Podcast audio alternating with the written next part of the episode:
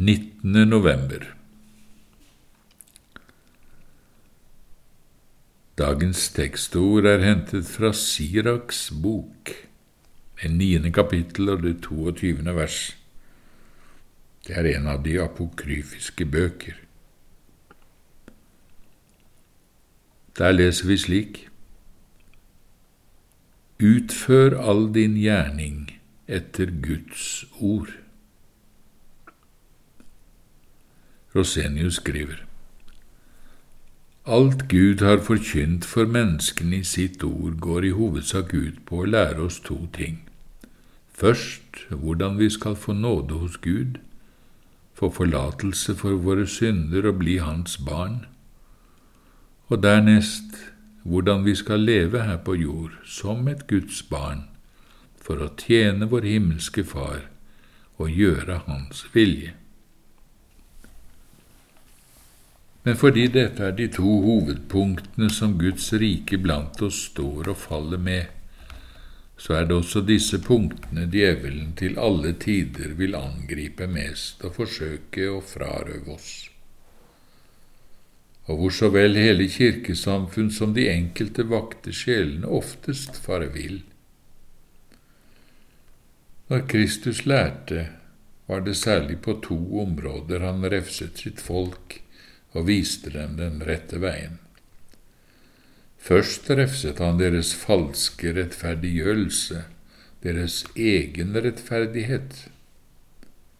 Dernest deres falske gudstjeneste, deres selvvalgte gode gjerninger. Han talte for eksempel til dem om hvordan de gav tiende av peppermynte, anis og karve, men forsømte det som veier tyngre i loven, rett og barmhjertighet og trofasthet. Når Kirkens reformasjon ble drevet igjennom, skjedde det hovedsakelig ved at Luther stadig framholdt to lærepunkter. For det første den sanne rettferdighet som gjelder innfor Gud, som er Kristi rettferdighet, troens rettferdighet. Og for det andre hva som er sanne, gode gjerninger, sann gudstjeneste og et hellig liv som er til behag for Gud, og som bare er det Gud selv i sitt ord har befalt oss å gjøre. Dermed angrep og refset han først og fremst pavekirkens rettferdiggjørelseslære, som var og er at mennesket blir rettferdig i samme grad som det blir hellig. Dernest det falske begrepet om hva som er et hellig liv til behag for Gud, hvor pavekirkens svar var å gå i kloster, leve ugift, faste, våke, plage legeme, foreta pilegrimsreiser osv. Dermed er det med rette blitt sagt at det var disse to lærepunktene som la til rette for reformasjonen og at man kan takke reformasjonen for at disse to lærepunktene på ny ble dagsaktuelle, om den sanne rettferdigheten innenfor Gud og den sanne helligheten i livet.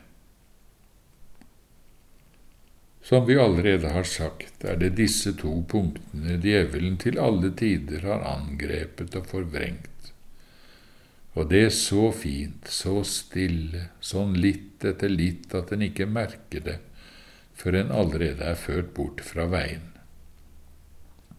Så er da også både fornuften, følelsen og våre egne meninger fiendtlig innstilt overfor begge disse lærepunktene. Ingenting er vel mer fornuftsstridig enn at jeg skal være rettferdig og til behag for Gud, samtidig som jeg selv ser og kjenner jeg er full av synd? At jeg skal være rettferdig og ren for Gud bare gjennom en tilregnet rettferdighet?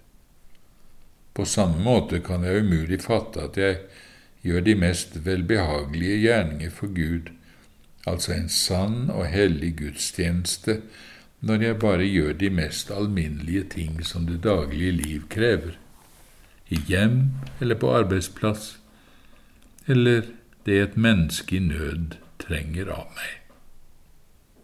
Da gjør jeg jo bare de samme gjerningene som en from hedning, et moralsk høyverdig verdens menneske, kan gjøre. Selv kan jeg heller ikke forstå det kan være noe særlig fare i å følge fromme innskytelser som synes å være Guds ånds tale i hjertet mitt, og som bare går ut på å drive meg til mer hellige gjerninger. At det skal være noen stor fare å straks følge slike innskytelser, og ikke være så nøye på først å undersøke om det stemmer med Guds åpenbarte ord i Skriften, dette kan følelser og fornuft ikke innse. Men djevelen og vår fornuft vil med all makt føre oss bort fra ordet også når det gjelder livet, og det lærer vi spesielt av erfaringen. Djevelen har nettopp ført mange ut i vanvittige ting og gjort stor skade i Kristi kirke, nettopp ved å føre mennesker bort fra ordet på denne måten og den skaden som dermed har skjedd og ennå daglig skjer, er særlig av to slag. Først noe som ofte rammer vakte og søkende sjeler,